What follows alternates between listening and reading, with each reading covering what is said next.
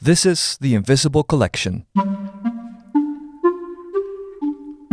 This is a podcast from Marres, House for Contemporary Culture in Maastricht. The Invisible Collection invites you to listen to works of art. During the course of the war, the painting was hit by shrapnel, and it bears the traces of these impacts. Some works of art make such an impression that the experience may linger in your mind for a very long time. It did something to me music has never done before. It made me see, see the lyrics come to life. The Invisible Collection brings together people who talk about similar experiences they have had. What did they see? How big was it? What did it represent? What did it make them think about? It's bulky, it's 3D, has really sharp edges, and looking at it just distresses you. Even without seeing the works of art, simply listening to stories about them can convey an image or a feeling, almost like you're standing in front of the work yourself. And afterwards, you might look at that artwork or other works of art in a similar way.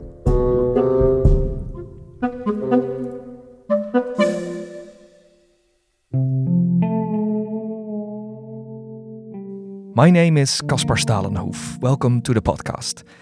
In this episode, you'll hear stories told by Stephanie, Matilda, and Lucy. No matter how old we are, every year winter catches us by surprise, how cold and dark it can be. The stories in this episode start with dark and desolate situations, but the works of art provide a positive light on things. They let us take a step back as we consider our own lives and suddenly things may look very different. If you think you've had a similar experience with art, you're welcome to share your story with the Invisible Collection. Look for instructions in the show notes of your podcast app or visit the Marres website. First up is Matilda. She is 17 and lives in Maastricht, but she's originally from Sweden and her story is about the moment the lyrics of a Jimi Hendrix song suddenly came to life.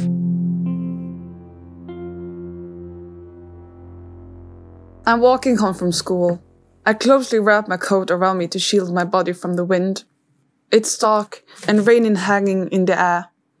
On my face, I feel small drops hitting me, telling me a storm will come. I keep on walking, listening to music when suddenly a song I've never heard before comes on. Two drum beats followed by the strumming of a guitar. It comes and goes three more times until it eclipses into a riff. All Along the Watchtower is a very special song to me. It did something to me music has never done before. It made me see, see the lyrics come to life.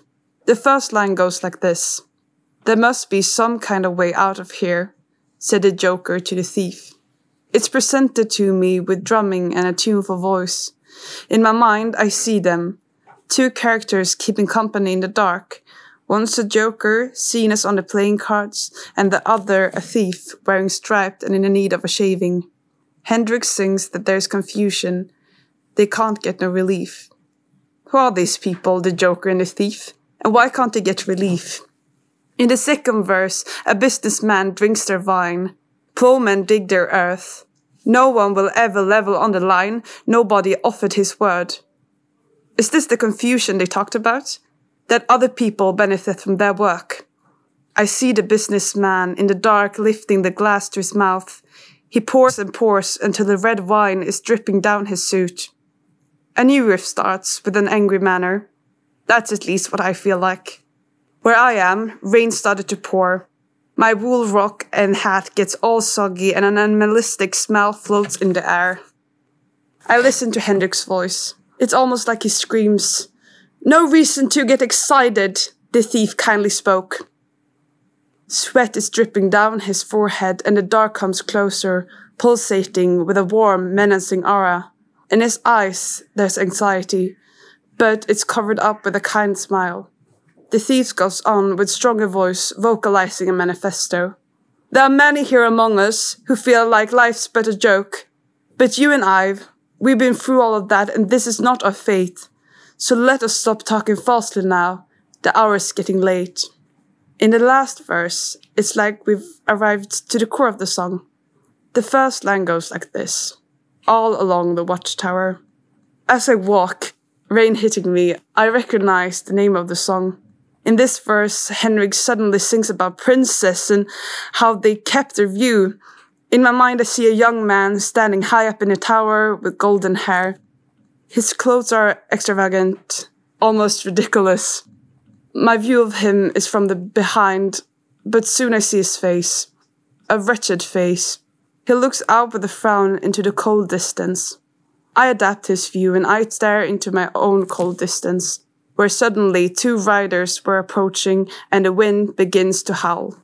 The guitar weeps, mimicking a sound of a wind so perfectly that it sends shivers down my spine. I am cold and tired, but so very alive because the song brought up some sense of tension in me. I don't know if I'm scared, scared of how vivid it was, or if it brought up some kind of sense of adventure. But what I know is that my step goes a bit faster. Matilda was talking about All Along the Watchtower in Jimi Hendrix's 1968 rendition but originally written and recorded by Bob Dylan. Now, from the American 1960s, we travel to the 1970s in Lebanon, a country ravaged by civil war between 1975 and 1990. Stephanie, a Lebanese artist, talks about a work of art she's made with her partner Charbel Joseph, although it wasn't completely made by them, as she'll explain in her story.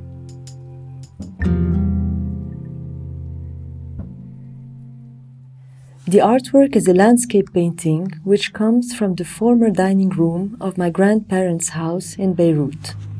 My grandparents' house in the near suburb of Beirut is situated in the exact location where the civil war started in Lebanon on April 13, 1975. During the course of the war, the painting was hit by shrapnel and it bears the traces of these impacts. The painting itself is a painting of a peaceful European countryside with a stream, trees, and grass agitated by a little bit of wind, but not too much. It is a painting that is meant to bring you calm, peace, and serenity when you look at it, and it is clearly made for one to enjoy inside of his house. My grandparents bought it when they furnished the house. The peace that the painting is supposed to bring you was disrupted by the shrapnel impacts that it received. And it is while having lunch with Charbel in front of that painting that we decided that it should become an artwork. The reason why we called it becoming a painting is because for us as artists, this was not an artwork. It is a painting that is painted in the mode of trompe l'oeil. And for us, it is only after being hit by shrapnel and receiving the trace of history that it had become a painting. This artwork could be considered a modified ready made. It is a ready made because we as artists didn't do anything to it, we did not add anything, we did not alter it in any way. Uh, but it is not completely a ready made because uh, it was hit by shrapnel. What I found interesting in that painting is the way that it aged we can see, if we look closely at it, that the shrapnel impacts disrupted the way that the painting aged in time, meaning that the painting today is cracked. The paint on it is cracked, the oil paint, but it has cracked all around the holes made by the shrapnel. So you have to imagine that the canvas of the painting is pierced by little holes all around these little holes, the paint has fallen, and all around the place where the paint has fallen, the cracks are circular and they follow the impact of the shrapnel. This means that if the painting hadn't been hit by shrapnel, it would have aged differently in time, and I found this to be a very interesting metaphor of the way that one can be affected by political events in his or her own country. We could say that the growth, the aging of the painting was altered, was modified by the occurrence of the civil war in Lebanon, and that this echoes the way that an individual's growth, an individual's aging can be also affected by such political events. In the case of that painting, it made it more interesting. It made it become an artwork which is now traveling from exhibition to exhibition. It has become a painting and is still becoming an artwork every new time that it is exhibited. Becoming a Painting by Stephanie and Charbel Joseph was on display at Marres in 2021. Our final story comes from Lucy. Like Matilda, she's 17 and lives in Maastricht, but she's originally from Russia. She returned home during the COVID pandemic, and her experience there led to the following story. Past couple of months, I've been in strict lockdown in Moscow. An experience that can be simply put out into three words perhaps exhausting, lonely, and comfortable. And I know that that sounds horrible, but when you're sitting somewhere where you have no one and know no one except a small amount of family, it can get that way.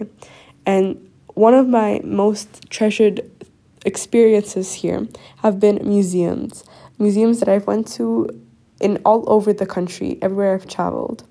There was one piece that really stood out to me because it kind of encompassed all that I've been feeling recently and it was the perfect time I could see it. It was in a modern art museum in St. Petersburg and the whole museum is very interesting. It's very witty and very creative. So every time you walk into a new hall, you never know what to expect. You can see paintings paired with colors unimaginable and sculptures that are made of sound. But all of this didn't impress me. Of course, it did, but there was one thing that stood out that I thought about on the way back in the car. It was a hall, and it was just surrounded by simple paintings. But right in the middle, right as you walk in, you see a body on the ground. It's a dummy, it's a doll, of course, but it's a life size, dressed in bland, normal clothing, a, a doll, like a, like a body. It's lying on the ground, so helpless, and on top of it is the letter, letter L. Big, black, humongous, bigger than the body itself, twice as big.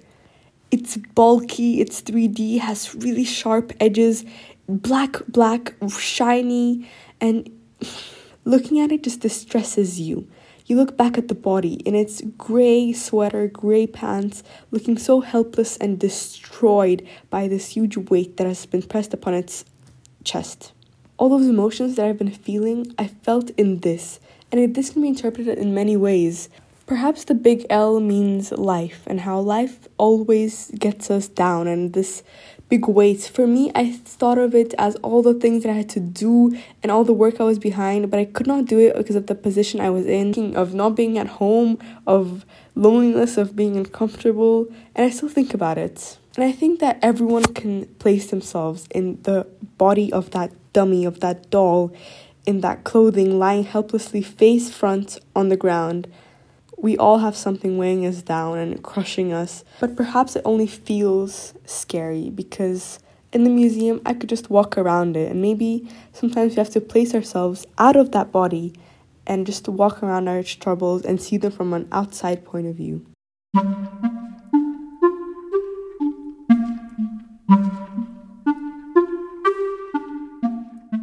This big black shiny letter L was made in 2009 by artist Sergei Lakotko and it's in the collection of the Erarta Museum in St. Petersburg. This is the end of this episode of The Invisible Collection. You can browse the entire Invisible Collection on the Marres website. For each podcast, we choose three stories from the collection that somehow have something in common. And if you follow us on Apple Podcasts or Spotify, you'll receive a notification when a new episode has been released. And we're always adding new stories about works of art to the collection. If you would like to contribute yourself, please contact Marres. You can find contact details in the podcast show notes or at marres.org. My name is Caspar Stalenhoef. See you in the next episode of The Invisible Collection.